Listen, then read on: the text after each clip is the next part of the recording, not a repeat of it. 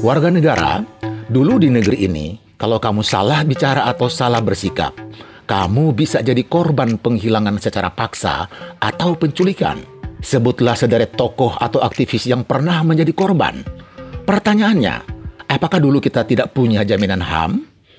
Pada episode ini, Budi Setia Marga Education Specialist Institute Lemena akan memaparkan perubahan HAM yang terjadi hasil dari amandemen tahun 1999 sampai 2002. Pastikan juga teman-teman menyimak tiga episode sebelumnya dari seri amandemen Undang-Undang Dasar 1945 di podcast kentongan ini. Selamat mendengarkan. Sekarang saya ingin mengajak Anda untuk melihat dampak yang ketiga dampak yang ketiga ini sesuatu perubahan yang menurut saya luar biasa di dalam sistem kenegaraan kita, yaitu berkaitan dengan hak asasi manusia. Hak asasi manusia itu di Undang-Undang Dasar sebelum amandemen itu sebenarnya ada, yaitu di pasal 28.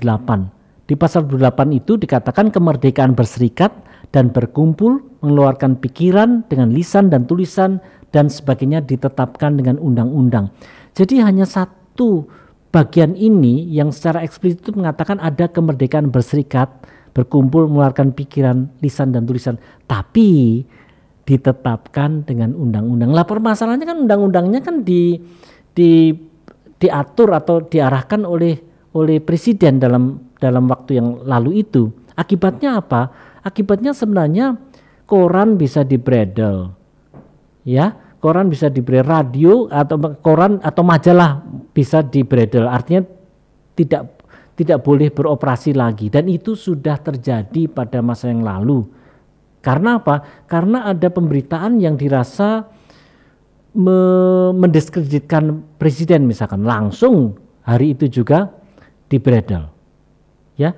Nah sekarang bagaimana sesudah amandemen yang menarik adalah pasal 28 ini tetap ada dan ditambah pasal 28A sampai pasal 28J.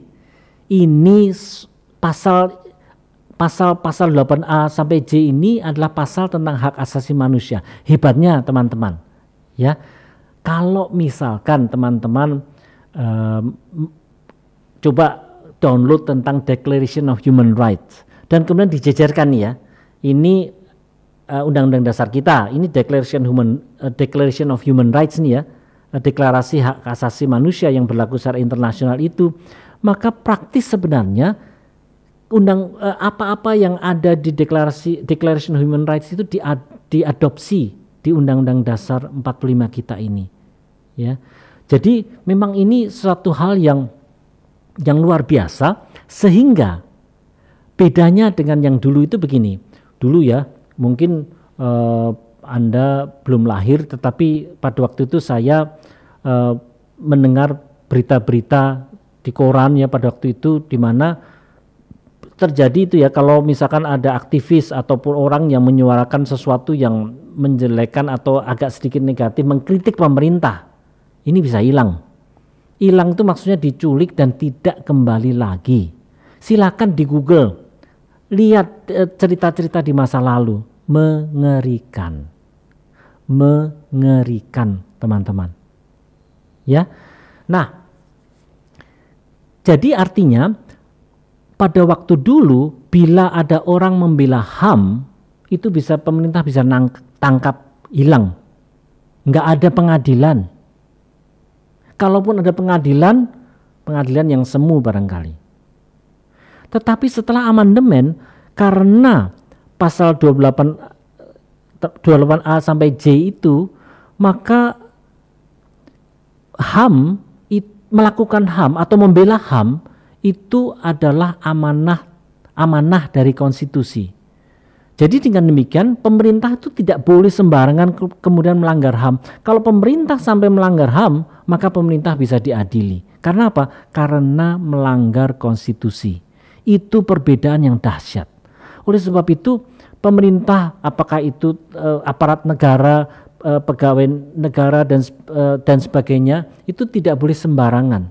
Karena amanat konstitusi ini harus dilaksanakan. Bukankah ini suatu yang dahsyat, teman-teman? ya dari sesuatu yang sifatnya itu uh, tidak dilindungi sekarang menjadi dilindungi secara penuh. Luar biasa bukan? Luar biasa.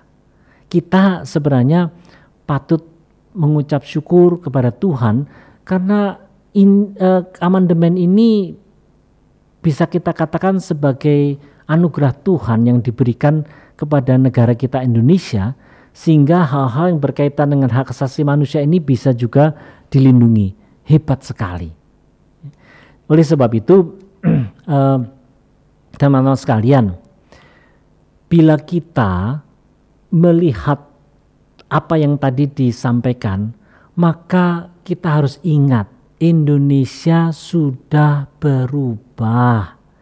Enggak seperti yang dulu, enggak seperti zaman Orde Baru, enggak seperti zaman Orde Lama. In Indonesia sudah berubah.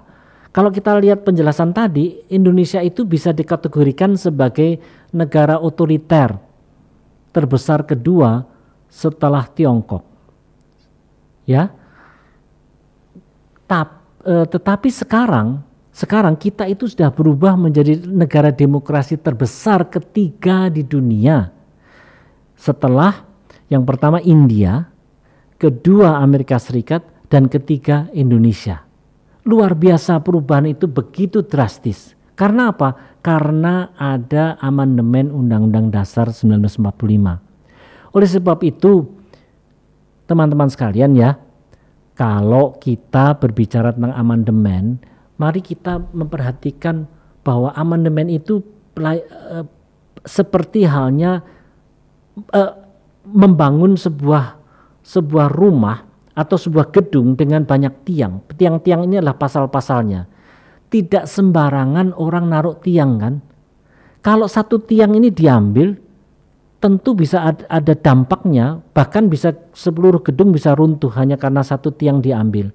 Oleh sebab itu, kalaupun kalaupun ini ada wacana amandemen, patutlah kita meneliti dengan baik-baik dan memahami baik-baik hal baik apa yang sudah ada di dalam undang-undang dasar yang setelah diamandemen pada masa sekarang ini.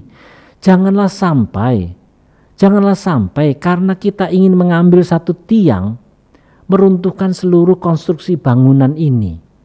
Seluruh bangunan ini terlalu berharga untuk runtuh begitu saja karena ada satu tiang atau karena ingin satu tiang ini diganti dengan dengan sesuatu yang sebenarnya nggak cocok dengan konstruksi ataupun arsitektur dari gedung ini secara keseluruhan. Ya, oleh sebab itu, apakah bisa diamandemen? Tentu bisa. Pasal 37 ini teman-teman ya, silahkan lihat. Coba sekarang dilihat aja pasal 37 itu memungkinkan untuk Undang-Undang Dasar 45 itu diamandemen. Ya, tentu ada hal-hal yang tidak sempurna iyalah nah namanya juga produk manusia kan ya tetapi mari kita berhati-hati. Mari kita cermati. Jangan sampai amandemen yang mau dilakukan itu justru berdampak negatif terhadap negara Indonesia yang sebenarnya sudah mulai bangkit untuk menuju yang lebih baik. Ya oleh sebab itu mari kita pelajari dan pahami baik-baik dan mengerti baik-baik teman-teman supaya jangan sampai kita berubah ke arah yang lebih buruk. Oleh sebab itu, marilah kita eh, cermati dan kita dalami lebih jauh tentang tentang masalah amandemen ini ya. Terima kasih teman-teman sekalian, semoga ini menolong kita semua. Nah, teman-teman sekalian, ini ada satu permintaan nih ya kami sebenarnya ingin tahu pendapat teman-teman sekalian ya tentang masalah amandemen ini.